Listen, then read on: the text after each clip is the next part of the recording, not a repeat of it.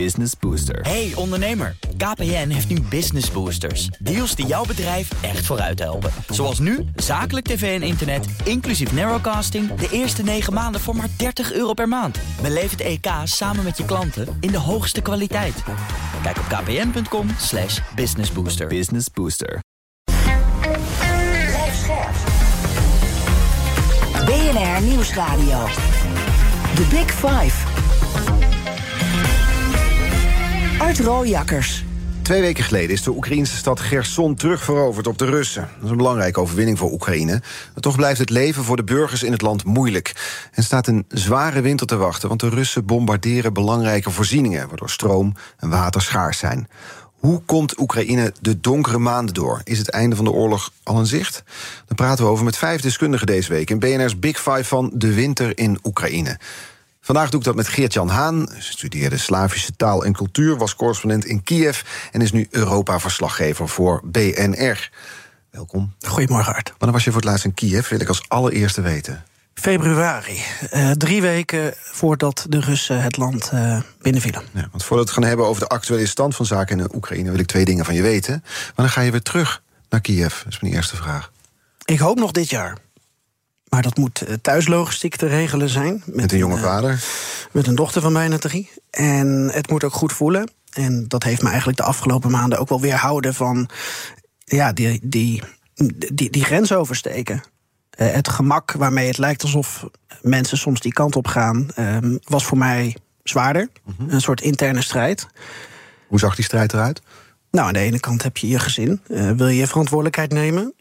En aan de andere kant uh, ben je dag in dag uit met Oekraïne en de situatie in Europa bezig. Uh, ik had het gevoel dat ik soms in mijn hoofd in een andere wereld leefde. En dan werd ik thuis weer wakker geschud, want oh ja, uh, ik moet naar de kinderopvang. Ja, je moet Peppa Pig kijken. Ja, dat weet ik nog net te voorkomen. Okay, maar er zijn andere programma's die ook leuk zijn. Nee, dus dat is een, een, hele enorme interne strijd. En ik heb heel veel respect voor uh, andere journalisten en, en um, humanitaire medewerkers die daar makkelijker mee omgaan en, en die grens oversteken en in Oekraïne nu zijn. En ik heb daar meer moeite mee. Ja, maar je wil terug, toch? Ja, ik heb wel plannen om een aantal vrienden op te zoeken. Uh, die in een aantal interessante economische sectoren werken, zoals het toerisme. En daar allerlei snode plannen voor hebben. Maar hoe ga je toerisme in een land krijgen dat in oorlog is en zo'n ja, gevaarlijk stempel heeft? Ja, ja. Tweede vraag die ik voor je heb is: je hebt je de afgelopen maanden uh, herhaaldelijk een week ondergedompeld in of de Russische of de Oekraïnse media. Daar deed je dan verslag van hier in de ochtend op ja. BNR. Ik luisterde daar met veel plezier naar, omdat het veel zei over hoe de bevolking in die landen de oorlog beleven. Wat deed het eigenlijk met jouw wereldbeeld? Nou, de eerste week dat ik uh, het Russische nieuws volgde zonder uh, het andere nieuws te proberen te volgen, dan krijg je wel een eenzijdig beeld van de wereld mee.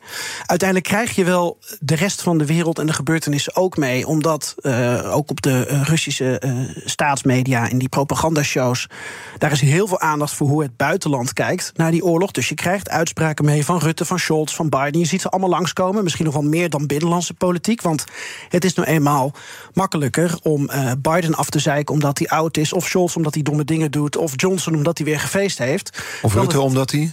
Uh, Rutte omdat hij dan Gerson had, uh, had Oekraïne bezocht. Zelensky, dat hoorde ik dus uh, twee dagen later, want toen pas werd het op de Russische tv uitgezonden.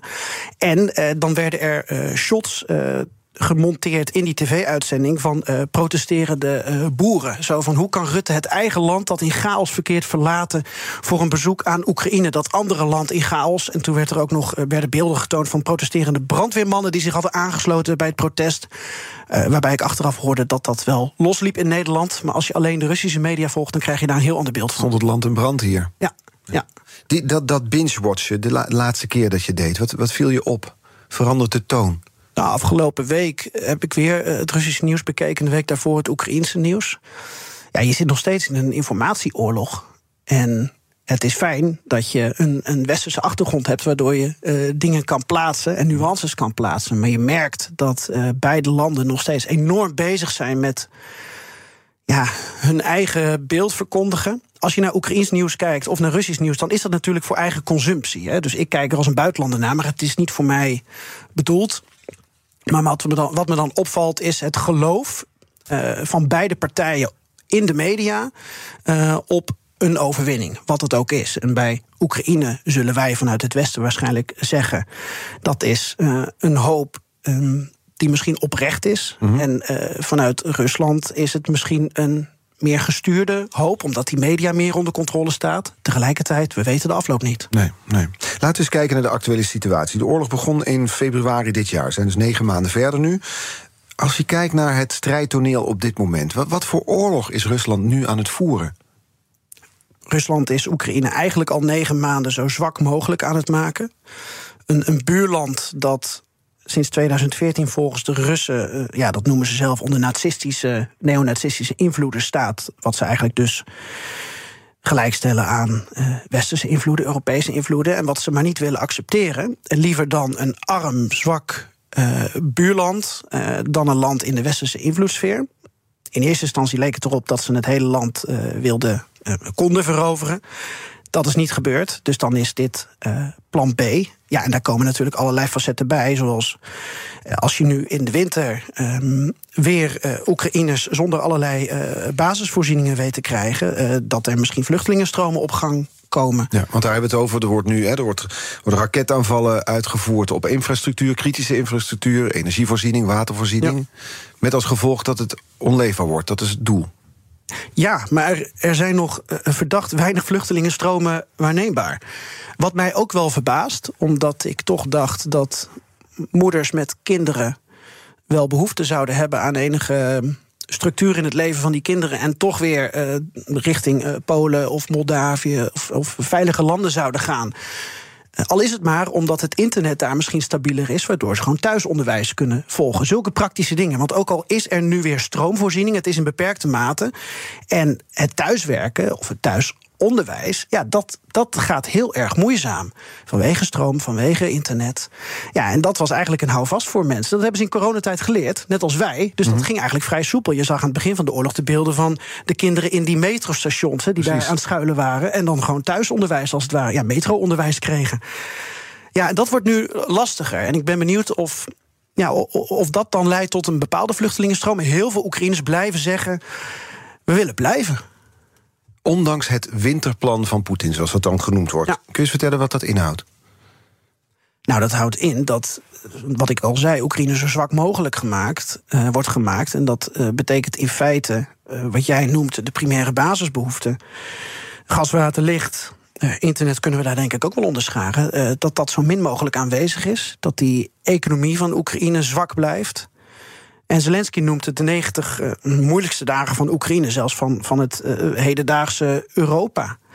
Ja, en Oekraïne is constant bezig met het herstellen van die infrastructuur. Maar dat is, dat is ongelooflijk lastig en ze houden het telkens weer vol. En uh, vorige week kreeg ik berichten ook van Oekraïnse overheidswegen dat er een totale blackout aan zat te komen. Daar waren ze ongelooflijk bang voor. En mm-hmm.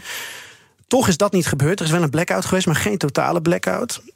Ja, dat, zit, dat hangt nog wel boven de markt. Maar ja, dan, dan dan is onderdeel van het winterplan ook. Um, niet alleen dat de uh, infrastructuur voor de burgers uh, niet functioneert, maar ook voor het leger. Want dan valt communicatie weg. Ja. Dan heb je problemen logistiek met het front. Hoe moeilijk is zo'n blackout te bereiken eigenlijk voor de Russen?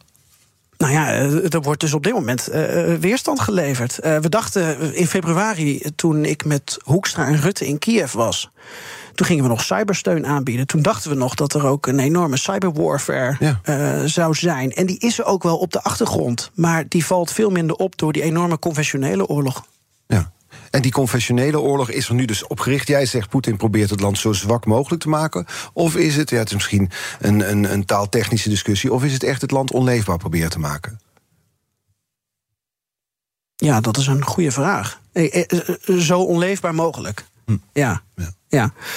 Uh, al blijft uh, Rusland in de eigen staatsmedia zeggen dat ze vooral de de Donbass willen uh, bevrijden van het neonazistische juk. En misschien is dat maar verstandig ook, want uh, aangezien ze alweer uh, twee gebieden recent hebben moeten teruggeven aan de Oekraïne, houden ze ook steeds minder over. Mm -hmm. De Oekraïners zijn ervan overtuigd dat ze alles weer terug gaan winnen. Ja. En, en, toch is het zo dat ik dacht, ik, ik, las het ergens, maar jij weet de cijfers beter dan ik. 10 miljoen Oekraïners zitten op dit moment zonder stroom. Ja, zou de dat, WHO gesteld hebben. Dat zei Zelensky vorige week volgens mij. Inmiddels zijn het iets minder Oekraïners. Ik heb het net nog even gecheckt. Eh, van het weekend zag ik dat er een, een, een tekort, stroomtekort van 20% was. Nu is het weer 27% uh, capaciteitstekort. Omdat het gewoon koud worden is. Dus mensen hebben meer nodig. En er wordt dus telkens ook um, tegen mensen gezegd: ga heel voorzichtig met die stroom om. Um, drie uur op, drie uur af is bijvoorbeeld een noodplan. Dan kan je wel uh, eventueel je huis uh, verwarmen. Um, uh, het drinkwater dat, hangt ook af van elektrisch aangedreven pompen bijvoorbeeld. Dus dat soort factoren spelen allemaal mee. Ga er maar vanuit dat er miljoenen Oekraïners momenteel zonder stroom van het net zitten. Maar er zijn natuurlijk veel generatoren nu die kant op gegaan. The Big Five. Art Rojakkers. Met vandaag de gast Geert-Jan Haan, Europa-verslaggever hier bij BNR en Slavist. En we hadden het over die, die stroom. Hè? 10 miljoen Oekraïners die, die, die, die zonder stroom zouden zitten, zou Zelensky hebben gezegd. Ja. Ik probeer maar, jij gaf net een heel praktisch voorbeeld van moeders met kinderen die thuisonderwijs geven. Dat kan zolang er internet is. Als dat er niet is, dan gaat er misschien wel een vluchtelingenstroom op gang komen. Als je naar stroom kijkt, hoe gaat dat praktisch? Ik probeer me voor te stellen, je woont in een appartementencomplex in Kiev, ergens op de achtste verdieping. Je hebt geen stroom, je hebt geen verwarming. Hoe leef je dan? Nou, zonder jij, de lift. Jij, jij, kent mensen daar, beschrijf het eens. En je moet heel veel trap lopen. Dus je kan je voorstellen dat uh, met name oudere en eenzame mensen... of mensen met jonge kinderen, dat die uh, in de problemen komen... als ze uh, in de hoogbouw zitten. En ook in het westen van Oekraïne ehm, wordt nu al opgeroepen door burgemeesters... om eigenlijk appartementen ja, langzaamaan te gaan uh, verlaten en te verruilen voor um, ja, huizen, uh, gewone woonhuizen in de stad. En kijk maar of je bij familie of vrienden in kan trekken. Kijk of je naar uh, huisjes op het platteland kunt. En dan krijg je natuurlijk verwarming door het stoken van hout. Wat mhm. eigenlijk wel een probleem is, want het hout is nu veel te nat. En ja, het is de vraag in hoeverre iedereen daarop is voorbereid. Dat soort praktische dingen. Een vriend van mij in een grote stad in het westen van Oekraïne, Ivano-Frankivsk, die heeft nog eigenlijk altijd stroom gehad, omdat hij toevallig op het net zit ook van, um, van de ziekenhuizen. En daar wordt dan prioriteit aan gegeven. Maar daarom is het soms heel moeilijk vanuit Nederland te volgen voor mensen. Ja, want eh, als je Kiev neemt, miljoenenstad, normaal gesproken 4 miljoen inwoners, nu denk ik ongeveer de helft, misschien 2,5. Ja, de, de, de ene straat kan wel stroom hebben en de andere niet. Dus uh, het ene bericht in de Nederlandse media kan zijn: uh, ja, uh, de stroomvoorziening komt weer terug. En het andere bericht kan zijn: ja, er is een enorm capaciteitstekort. En het klopt allebei. Klopt allebei. Ja, ja. ja. Als je dan daarnaar kijkt, dat is dus voor zover de stroom en de verwarming. Het is in ieder geval een zware en moeizame situatie. Als we kijken naar voeding bijvoorbeeld, laten we de praktische zaken nalopen. Worden, worden supermarkten in de stad als Kiev nog wel bevoorraad? Ja. Ja, dat gaat nog redelijk goed. En ook dingen in de buurt van het front zelfs. Wonder eigenlijk dat het nog goed gaat. Ja, het, het, is ook wel, wel bijzonder als je nadenkt over dat, dat wij hebben een, een beeld misschien voor ons van dat de Oekraïnse wegen en spoorwegen nu vooral gebruikt worden uh, voor uh, militair transport. Al die wapens die wij naar Oekraïne sturen. En dan visualiseer je dat. Maar tegelijkertijd, um, als ik het voorbeeld kan geven van de staalindustrie. In Mariupol, uh, die uh, verwoeste stad, inmiddels bezet door Rusland, uh, daar stond Azovstal. Mm -hmm. Staat er nog steeds trouwens. Een enorme ja, waar heel lang weerstand is geboden. Een van de grootste van Europa, waar heel lang weerstand is geboden. Ja, in andere delen van Oekraïne zijn ook staalfabrieken. En die werken nog op 30, 40 procent. En die produceren nu um, ovens. Uh, die produceren uh, hekken, uh, roadblocks, allerlei dingen die bij een oorlogseconomie mm -hmm. horen. En dat wordt natuurlijk ook vervoerd door het hele land. Ja. En dat gaat dus gewoon door? Ja, de, de, GDP van Oekraïne is wel met een derde gekrompen. De, de output is een fractie, de outlook is onzeker. Maar het gaat op dit moment door. En daarbij is het ook enorm afhankelijk van het Westen. Want de oorlog is één, maar uh, hyperinflatie is twee. Dan, dan wordt het economisch voor Oekraïne een enorm lastig verhaal. Dus eigenlijk um, zie je dat de Europese Unie en uh, de Verenigde Staten er alles aan doen om Oekraïne financieel ook in leven te houden. Dat speelt op de achtergrond natuurlijk mee. Ja, want er komt een boel buitenlandse noodhulp binnen. Bedoel je dat dan? Volgens mij in Nederland las ik 70 miljoen gaan we bijdragen, zei onze minister van Buitenlandse Handel en Ontwikkelingssamenwerking. Ja, is dat waar je dan op doelt? Het, het is eigenlijk veel meer. Uh, wat, wat recent weer is vrijgegeven, die 70 miljoen was puur voor de uh, energievoorziening. Mm het was een pakket van 180 miljoen. Ja, dan heb je het eigenlijk over in dit pakket over winterization. Dat is, dat is absolute noodhulp om de winter door te komen. Ik had het uh, in het voorbeeld van zojuist meer over um, wat Ursula von der Leyen laatst aangaf. Dat was heel belangrijk. Komen we nog over te spreken in mm -hmm. een ander blokje. het herstel van Oekraïne tijdens de oorlog. Mm -hmm. Dan moet je een garantie hebben dat bijvoorbeeld salarissen kunnen worden doorbetaald. Dat pensioenen kunnen worden doorbetaald. Want mensen moeten natuurlijk ook weer hun geld kunnen uitgeven aan dat eten, aan die voorzieningen. Die economie moet aan de praat blijven. En um, ja, dat is wat, wat de EU nu heeft uh, toegezegd voor eigenlijk heel 2023. Een garantie dat salarissen, pensioenen en alles wat nodig is uh, aan, aan financiële noodhulp, aan liquiditeit, dat dat um, uh, gewaarborgd is. Dat geld van Nederland, dat is dus een, een winterpakket van 180 miljoen euro, ja. waarvan 70 miljoen naar de reparatie van de infrastructuur van energie gaat. Ja, dat is eigenlijk om de winter door te komen. Die cruciale 90 dagen die we zijn ingegaan. En dat is dan voor hele, ook weer voor hele praktische zaken. Hebben we het over generatoren, drinkwater, dat soort dingen moet ik dan aan denken? Ja, um, er zitten ook dingen bij die je misschien niet, niet zomaar voorstelt. Luiers, voor kinderen, maar ook voor volwassenen, voor ouderen. Een enorm uh, probleem als daar een tekort aan is. Dat zit misschien niet gelijk op ons netvlies, maar aan zulke dingen is ook behoefte. Dit alles raakt aan waar we het in het begin van het gesprek over hadden. Uh, het strijdtoneel, dat er, de, de, Russische tactiek die erop gericht lijkt om het land zo onleefbaar of te verzwakken. dat er een vluchtelingenstroom op gang komt. Die zag, jij zei dat verbaast me, die zie ik eigenlijk nog niet. Nee, die zie ik nog niet. Heb je daar een, een idee van een verklaring voor? Ja, de, de strijdbaarheid van de Oekraïners, die, uh, die veerkracht die maar blijft. Mm -hmm.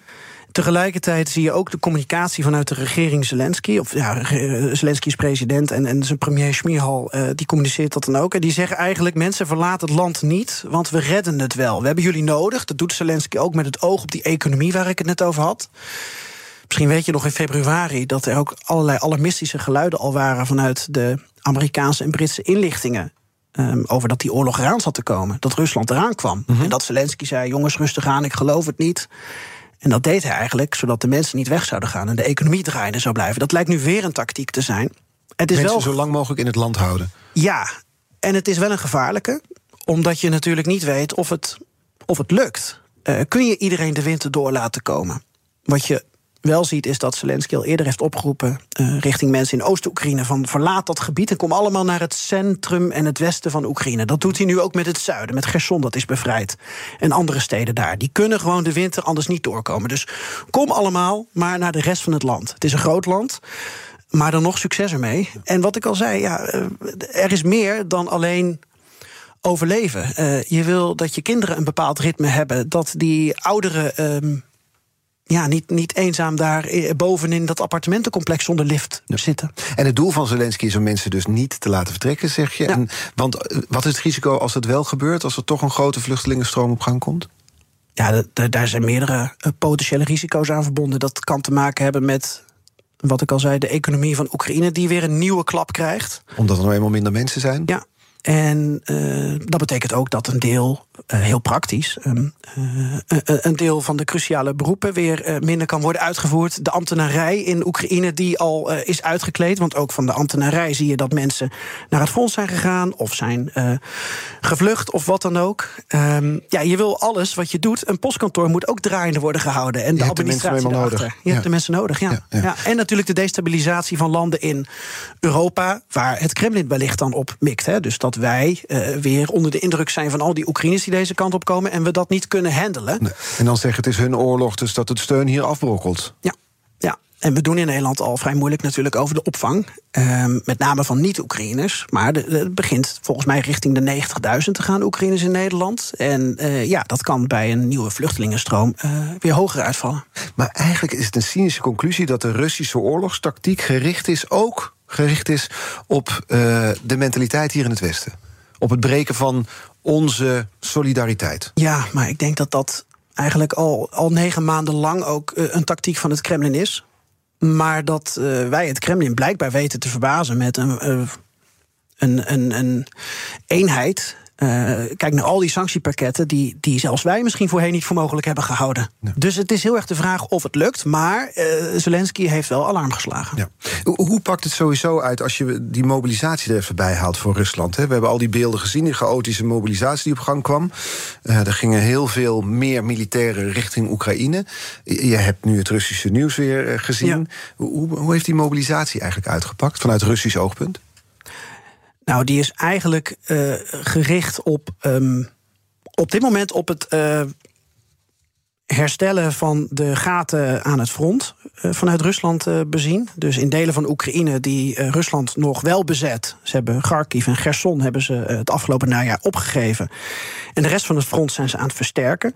En dat doen ze ook cynisch genoeg dus met mensen. Um, kanonnenvlees, kanonnenvoer. En je ziet dat op bepaalde plekken proberen ze ook uh, kleine overwinningen te krijgen. Um, in de buurt van de stad Bakhmut. Ik ben daar een paar jaar geleden geweest toen het nog uh, Artyomovsk heette. Uh, die stad proberen ze te veroveren. En dan kunnen ze daarmee uh, aangeven aan de Russische bevolking bijvoorbeeld zo van... kijk, we hebben weer een overwinning. Uh, Poetin zit dan weer stevig in het zadel, et cetera. Alleen, ze komen er nog niet door. Hm. Oekraïne weet dan nog te, te, verdedigen. Maar ik zag dit weekend een paar foto's uit de, de, vergelijking met, met de Eerste Wereldoorlog. Zag ook die loopgraven? Ja. ja. Dus aan de ene kant de loopgraven van 1914, 17 en uh, nu de loopgraven anno 2022. En het is dus echt een ouderwetse oorlog op dat gebied. Ja. We zijn wat dat betreft in die 100 jaar niets opgeschoten. Nee, behalve dat we. Ja, je hebt gelijk. We spreken zo verder. Morgen trouwens Oost-Europa-deskundige Bob Deen te gast. Abonneer je op onze podcast via je favoriete podcastkanaal... om geen aflevering te missen. Straks spraak ik verder met eh, Geert-Jan Haan... Europa-verslaggever bij BNR, slavist. We gaan het hebben over de winter in Oekraïne... en ook over de wederopbouw van een land, zelfs tijdens een oorlog. Blijf luisteren. Hardlopen, dat is goed voor je. En Nationale Nederlanden helpt je daar graag bij. Bijvoorbeeld met onze digitale NN Running Coach... die antwoord geeft op al je hardloopvragen. Dus... Kom ook in beweging. Onze support heb je. Kijk op nm.nl slash hardlopen. Business Booster. Hey ondernemer, KPN heeft nu Business Boosters. Deals die jouw bedrijf echt vooruit helpen. Zoals nu, zakelijk tv en internet, inclusief narrowcasting... de eerste 9 maanden voor maar 30 euro per maand. Beleef het EK samen met je klanten in de hoogste kwaliteit. Kijk op kpn.com slash businessbooster. Business Booster.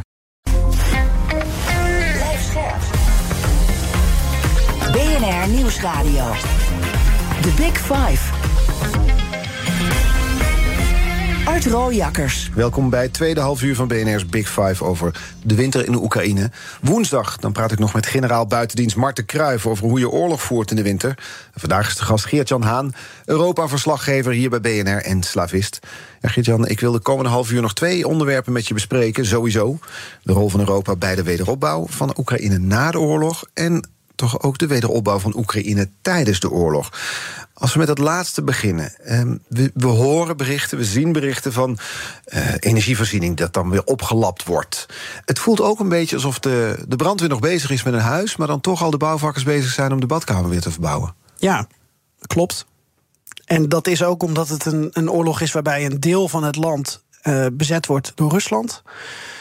Uh, een deel van dat land trouwens ook niet kapot is gemaakt. Een ander deel van het land is bevrijd en is deels wel kapot en deels niet. En er is een deel van Oekraïne uh, dat nooit bezet is geweest. Dus je hebt te maken met, na Rusland, het grootste land van Europa, dat ook op verschillende manieren erbij ligt. Ja. Je, hebt, je hebt gebieden in uh, Oekraïne die liggen honderden kilometers bij Rusland vandaan en andere grenzen aan Rusland. Ja, de situatie is een heel anders. Ja, daar zit hem dus het verschil. Want we zien dus kapotgeschoten huizen, ziekenhuizen, scholen, wegen. Het wordt weer opgebouwd tijdens de oorlog, terwijl het land onder vuur ligt. Dat is dus voor alle duidelijkheid, zoals je het schetst, dat zijn dan niet de gebieden die in de frontlinie liggen. Hè? Nee, al proberen ze dat soms wel. Um, misschien kan ik het het beste uitleggen aan de hand van, um, ja, misschien voetbal. Vind ik altijd wel leuk om, om daarmee te vergelijken. Ja. um, je hebt, uh, we hebben op dit moment het proces van winterization. Dus we proberen Oekraïne zo goed mogelijk te helpen uh, om de winter door te komen. Dat is in feite de korte termijn hulp, de noodhulp. Dan ga je naar uh, rehabilitation, mm -hmm. herstel. Herstel tijdens een oorlog. Dus eigenlijk heb je in eerste instantie een voetballer die is uh, ernstig geblesseerd geraakt um, en die uh, moet nu revalideren. Maar ja, hij kan nog niet voetballen. En straks, de naoorlogse wederopbouw is om die voetballenwedstrijd fit te krijgen. En ja, we zitten nu dus in het, in het proces dat een deel van het land heeft eigenlijk ook geen oorlog. Dus daar kan je werken aan de economie bijvoorbeeld. En toch aantrekkelijk maken voor investeerders. En een ander deel dat is uh, kapotgeschoten. Nou ja, en, en dat herstel tijdens de oorlog um, de steun daarvoor, uh, die uitzicht bijvoorbeeld door schoolbussen. Dus de Europese Unie heeft aangegeven: we willen zoveel mogelijk schoolbussen naar Oekraïne krijgen. Want mm -hmm. kinderen kunnen uh, op hun eigen plek soms niet naar school omdat het schoolgebouw kapot is. En dan moeten ze verder reizen. En dan willen ze toch die voorzieningen regelen. Maar nogmaals, ook de uh, ambtenarij, een apotheek, een postkantoor, overheidsdiensten. Dus ja, je hebt mensen nodig die tijdens een oorlog ook al die diensten uitvoeren. Mensen willen hun pensioen Mensen willen hun uh, post. Uh, en dat moeten mensen doen. Dus als een deel van die ambtenarij verdwenen is, het zij aan het front, het zij overleden, het zij gevlucht, uh, dan moet je die mensen weer vervangen, want die diensten moeten ook blijven runnen. De Oekraïnse overheid is trouwens de laatste jaren enorm gedigitaliseerd. Dat werkt nu wel in hun voordeel. Mm -hmm. Maar tegelijkertijd is dat iets heel belangrijks tijdens een oorlog al om, uh, om in stand te houden. Wat dat betreft is het niet zo zwart-wit als wij hier misschien soms als nieuwsconsument wel denken. Een land in oorlog betekent dat er frontlinies zijn en dat was het. Nee, je ziet dus ook, wat je had het net over, aantrekkelijk zijn voor investeerders zelfs. Ja, ja. En, en dat wordt dat wordt straks uh, uh, na de oorlog ook een groot uh, punt. Bijvoorbeeld als je gaat kijken naar de regionale economie van de Oekraïne aan de Russische grens. Wie wilde dan nog op 50 kilometer van Rusland in artillerieafstand gaan investeren? Dan ga je kijken naar, dat heet sociale componenten en economische componenten. Sociale component is, willen mensen in een bepaald gebied wonen? -hmm. Als mensen daar willen wonen, dan is dat aantrekkelijk voor bedrijven en industrieën. Want dan heb je mensen die eventueel voor je kunnen werken. Um, die wisselwerking met werkgelegenheid heb je nodig. Maar die industrieën zijn nu natuurlijk, en die bedrijven zijn nu weggetrokken. Mm -hmm. Die zijn ergens in een ander deel van Oekraïne. Ja, dan is het voor mensen ook niet aantrekkelijk om daar naartoe te gaan. Buiten het feit dat je ook niet weet of ze wel willen wonen in een gebied dat um, dicht bij Rusland ligt. Ja, en als deze oorlog stopt, of dan niet Rusland een paar jaar later alsnog nog een keer komt. Het een soort frozen conflict wordt. Ja, en dat is, um, dat is heel lastig. En ik vind sowieso. Uh, backstage bij een oorlog zijn is, is wel fascinerend. Ik was dan een paar jaar geleden, maar toen was ik nog geen jonge vader, dus dat was misschien iets makkelijker. Was ik in, in wat nu Bagmoed is. Toen uh, was dat ook al een, een, een frontstad. Of eigenlijk was dat de eerste stad na het front, waar het ziekenhuis het nog deed. En toen zat ik in een restaurant en er kwamen Oekraïnse soldaten binnen. En die hadden een paar dagen aan het front erop zitten. En die gingen zich daar uh, ja, heel stereotyp dat ik dit misschien zeg, maar die gingen zich daar uh, bezatten. Die hadden ontspanning nodig. Die moesten het allemaal kwijt. Eentje schoot op een gegeven moment zelfs in het plafond met zijn pistool. Uh, dat soort dingen. Ja. Um, dus het is een hallucinante ervaring om daar achter het front te verblijven, wil je maar ja, zeggen? Ja, want je hoort te knallen op 20 kilometer afstand. En je zag wel een gasleiding uh, exploderen met een enorme vuurbal. maar wat jij zegt, het is, het is zoveel meer een oorlog alles moet draaiende blijven. Ja, ja. En dat draaiende blijven gebeurt dus aan de hand ook van hulp uit het Westen. Er is ja. bijvoorbeeld hulp vanuit de Europese Bank voor Wederopbouw en Ontwikkeling. Uh, er gaat geld naar, het, uh, naar Oekraïne toe. De kritiek is dan meestal, en ook in dit geval, dat die hulp niet goed is afgestemd. Dus dat er een heleboel langs elkaar heen wordt gewerkt door de G7, de EU-commissie, die banken, andere banken, losse landen. Iedereen doet maar wat.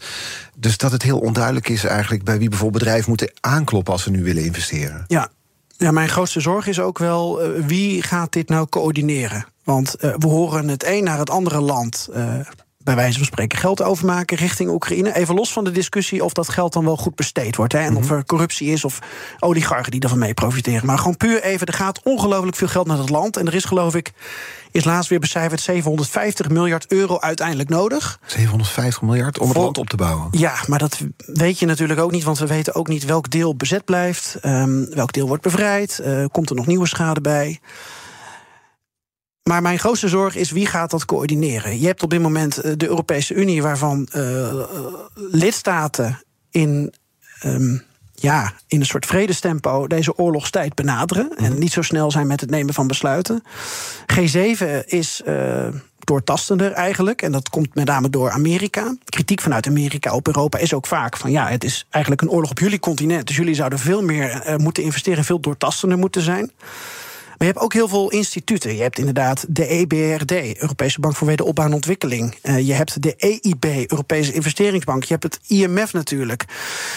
Wereldbank. Um, wie gaat die kaart trekken? Mm -hmm. en, en, dat wordt wel een, um, een vraag voor de komende tijd. Ja. Ja. Als je al dat geld gaat overmaken. Ja, is er eentje die jij ook gaat volgen voor ons voor BNR natuurlijk. Ja, ik vind al die wederopbouwconferenties ook heel interessant. Omdat je een heleboel dingen daar hoort. En de, de ene keer worden private investeerders um, uh, ja, gevraagd om, om te investeren. Maar tegelijkertijd vraag ik me dan af... waar is dan het Oekraïense verhaal voor die regionale economie?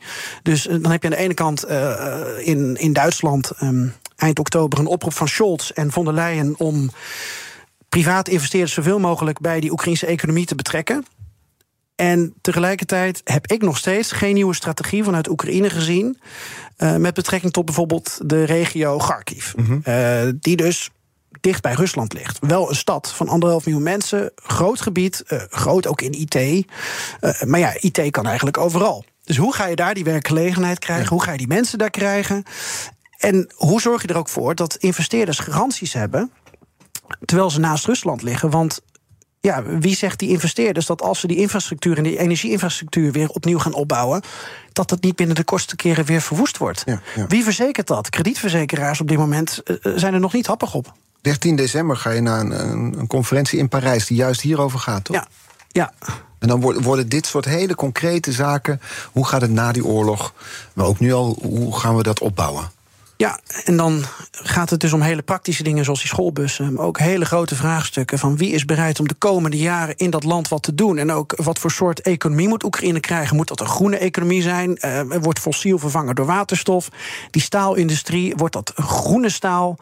En kunnen die grote staalbedrijven in de buurt van de Russische grens blijven? Al die vragen die komen telkens langs. Het voelt ergens wat vreemd dat er dan conferenties worden gehouden over dit soort onderwerpen, terwijl er rakettenregens nog vallen op Oekraïne. Alsof het wel heel erg op de zaken vooruitlopen is. Ja, maar dat is ook omdat we hebben aan de ene kant natuurlijk de uh, overheden die ongelooflijk veel geld nu in uh, Oekraïne pompen. Uh, uh, ook met name om die economie uh, nu in leven te houden. Maar uiteindelijk, voor die wederopbouw, heb je ook ja, bedrijven nodig. die ook financieel die kar moeten trekken. En ik had. Dus je moet nu al plannen maken. Ja, en in september had ik een interview met minister Schrijnemacher... die dus ook gaat over uh, handel bijvoorbeeld... en ook aangaf, ja, uh, wij zijn ook aan het kijken met Nederlandse bedrijven... het is ook een kans, hè, wordt dan gezegd. Een kans voor onze kennis en onze kunde om dat weer te etaleren. Ja, en als wij dus um, het havengebied in het zuiden van Oekraïne gaan, gaan wederopbouwen... dan, ja, wij hebben een bepaalde expertise. Dus dat klinkt ook wel logisch. Tegelijkertijd speelt dan weer mee... Um, hoe ga je een haven opbouwen of een stad opbouwen met een grote haven uh, zonder um, Oekraïners erbij te betrekken. Dat kan niet. Mm -hmm. Dus je moet Oekraïne erbij betrekken. Maar hoe zorg je ervoor dat investeerders ervan overtuigd zijn dat die Oekraïnse plannen goed zijn? Uh, die wisselwerking wordt heel interessant om, uh, om te volgen, denk ik. En uh, we hebben nu samen met de Denen en de Zweden ontwerpplannen gemaakt. En geloof ik ingediend bij de Oekraïners. Dan moeten zij er weer wat van vinden. Maar ik heb ook begrepen van de uh, Tweede Wereldoorlog en de wederopbouw van Rotterdam. Zij stedenbouwkundige Riek Bakker, dat is een grote naam. die zei: ja, toen de haven werd opgebouwd, wederopgebouwd van Rotterdam, toen werden de burgers eigenlijk vergeten. Want de economie van die haven, die, die stond op een hoger um, trapje dan de rest van de stad. Want nationaal belang, ja. he, die economie van die haven. En die wisselwerking wordt ongelooflijk belangrijk. Hoe vergeet je niet de mensen? En met Zelensky aan het roer is dat soms wel lastig hoor, want die zet de economie telkens op één. Ja, dat doet hij dus bijvoorbeeld nu ook waar we het eerder over hadden... om te voorkomen dat er een vluchtelingenstroom op gang komt... roept die mensen op, blijf vooral in het land. Ja. Dat heeft meer een economisch motief dan een menselijk motief. Dat denk ik wel, ja. Business Booster. Hey ondernemer, KPN heeft nu Business Boosters. Deals die jouw bedrijf echt vooruit helpen. Zoals nu, zakelijk tv en internet, inclusief narrowcasting... de eerste 9 maanden voor maar 30 euro per maand. Beleef het EK samen met je klanten in de hoogste kwaliteit. Kijk op kpn.com slash businessbooster. Business Booster. Hardlopen, dat is goed voor je. En Nationale Nederlanden helpt je daar graag bij. Bijvoorbeeld met onze digitale NN Running Coach... die antwoord geeft op al je hardloopvragen. Dus, kom ook in beweging. Onze support heb je. Kijk op nn.nl slash hardlopen. Vandaag wel. BNR Nieuwsradio. The Big Five. Art Rojakkers.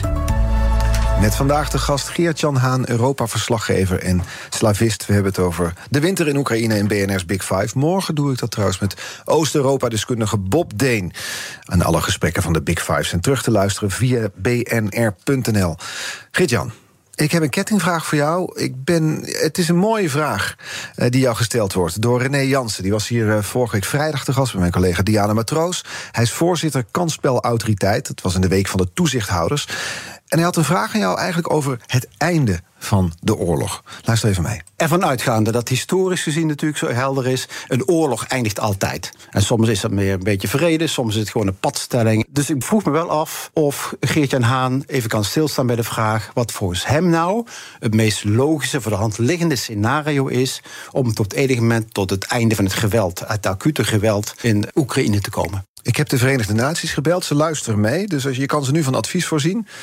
Wat denk jij? Wat is een meest logisch scenario?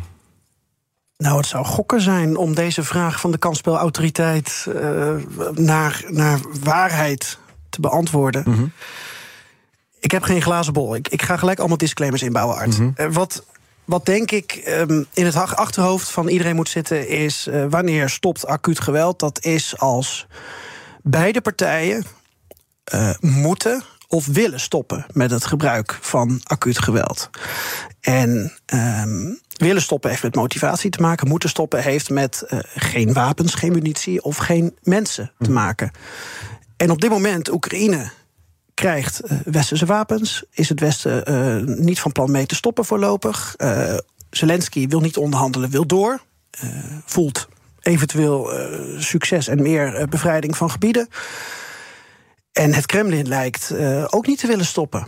En lijkt dus ook bezig te zijn met met name uh, mensen in te zetten als wapens. Uh, allerlei deeltjes sluiten met Iran of Noord-Korea, maar dat is natuurlijk een ander soort wapens. Dus zolang beide partijen daarmee doorgaan, wordt het echt een uitputtingsslag. En dat is het in alles al. En, en daarmee valt eigenlijk dus het einde van het acute geweld ook niet te voorspellen. Want dan hangt het weer samen met een heleboel andere factoren. Binnenlandse politiek bijvoorbeeld.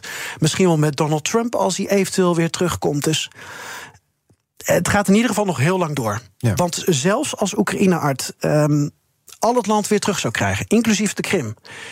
Wie geeft dan de garantie dat Rusland uh, dan niet uh, door blijft gaan met uh, raketten afvuren of andere vormen van geweld op en in Oekraïne te plegen? En dan is dat acute geweld er nog steeds. Ja. Dus het gaat nog heel lang door. Dan hebben we het over. Dat, zijn ook, dat lees je vaak in de analyse, hoor je ook veel. dat dit wel een, een echt een langlopende, jaren durende oorlog zou kunnen worden. Ik denk dat die kans er wel in zit, ja. ja. We hebben ons toch ook op een bepaalde manier aan de Oekraïne nu gecommitteerd. Dus we trekken ook niet zomaar die stekker eruit. Nee. Dus wat dat betreft, die vraag die hier gesteld wordt over het meest logische hè, einde van die oorlog, de verklaring daarvoor of de conclusie, die is eigenlijk nog gewoon nog helemaal niet te trekken. Nee, omdat je ook niet weet als het tot onderhandelingen zou komen, dan heb je te maken volgens mij volgens de, de, de theorieën met drie scenario's. Dus wat is op drie argumenten? De, de informatievoorziening, de geloofwaardigheid. Hè, dus geloven beide partijen eh, oprecht elkaar eh, dat ze tot vrede willen komen. Uh, en je hebt nog een, een, een, derde die me nu even is. Uh, mm ontschoten dan binnenlandse politiek. Ja. De druk op Poetin, de druk op Zelensky, het kan allemaal meespelen. Maar dan zien we vandaag berichten dat soldaten, moeders in Rusland in, in opstand komen. Die ja. zeggen, die jongens, daar moet beter voor gezorgd worden of haal ze terug. Zijn dat dan misschien prille signalen van een afbrokkelende steun in Rusland? Nou, dat ze bij Poetin aan tafel zitten, dat lijkt allemaal in scène gezet. Dat lijken allemaal uh, actrices of geselecteerde personen te zijn, als ik uh, de, de, berichten mag geloven. Er zijn wel andere uh, moeders die op dit moment ja, een brandbrief sturen richting het Kremlin. Dat is wel heel moedig. En richting het Russische parlement. En het is natuurlijk de vraag: hoe ga je altijd om met moeders? die kan je eigenlijk niet zomaar voor het oog van de camera vernederen. Moeders zijn heilig, ook in Rusland. Uh, moederdag is heilig in Rusland. Dus dat is wel interessant om te volgen. Maar ja, daarmee neemt de druk niet genoeg toe. Voordat we verder praten, gaan we kort even naar iets luisteren.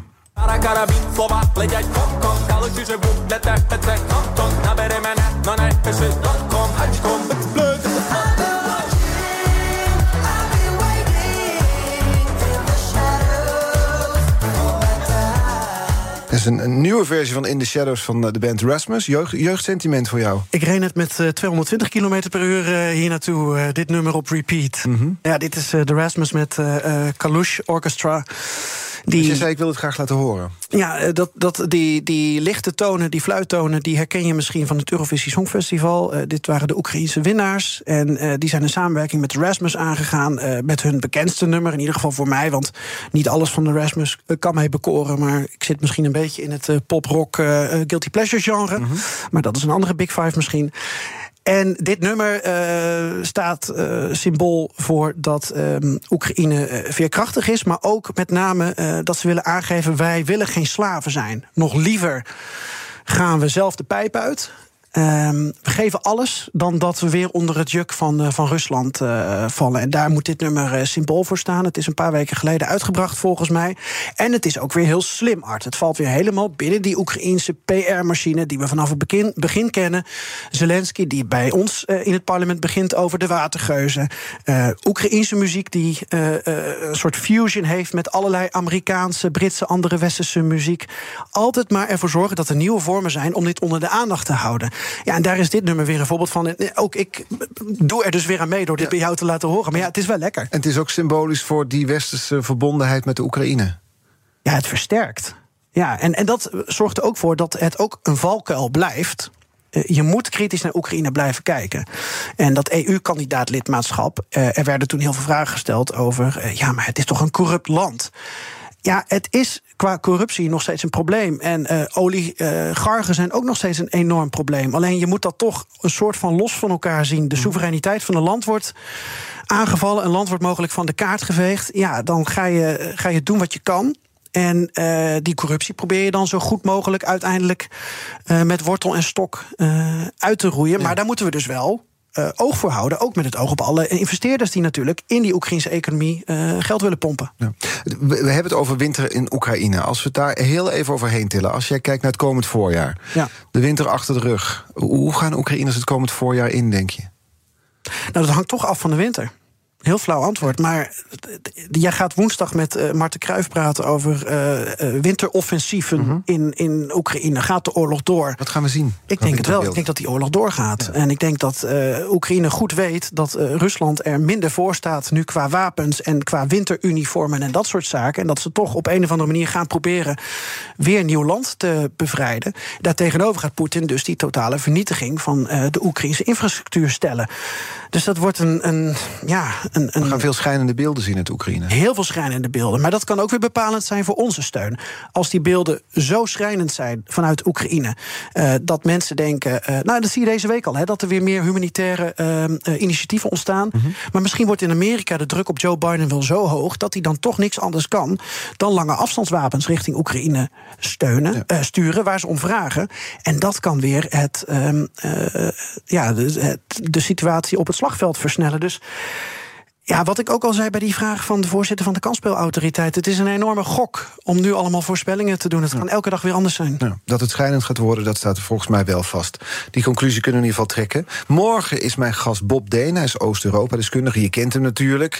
Um, je mag hem een korte, bondige vraag stellen. Wat zou je willen weten van Bob Deen?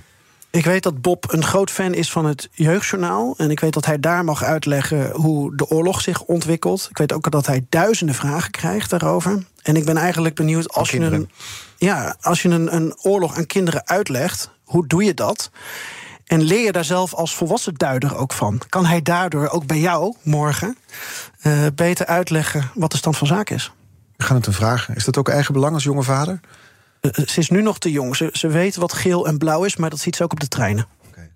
Laten we hopen dat ze het zo nog even vol kan houden dan. Dankjewel, Geert-Jan Han, voor je uitleg... voor het aftrappen van deze BNR's Big Five Week... over de winter in Oekraïne. Alle afleveringen van BNR's Big Five zijn natuurlijk terug te luisteren. Abonneer je op onze podcast via de app of je favoriete podcastkanaal... om geen aflevering te missen. En nu op deze zender BNR breekt. Ivan Verrips, tot morgen. Hardlopen, dat is goed voor je. En Nationale Nederlanden helpt je daar graag bij. Bijvoorbeeld met onze digitale NN Running Coach... die antwoord geeft op al je hardloopvragen. Dus, kom ook in beweging. Onze support heb je. Kijk op nm.nl slash hardlopen.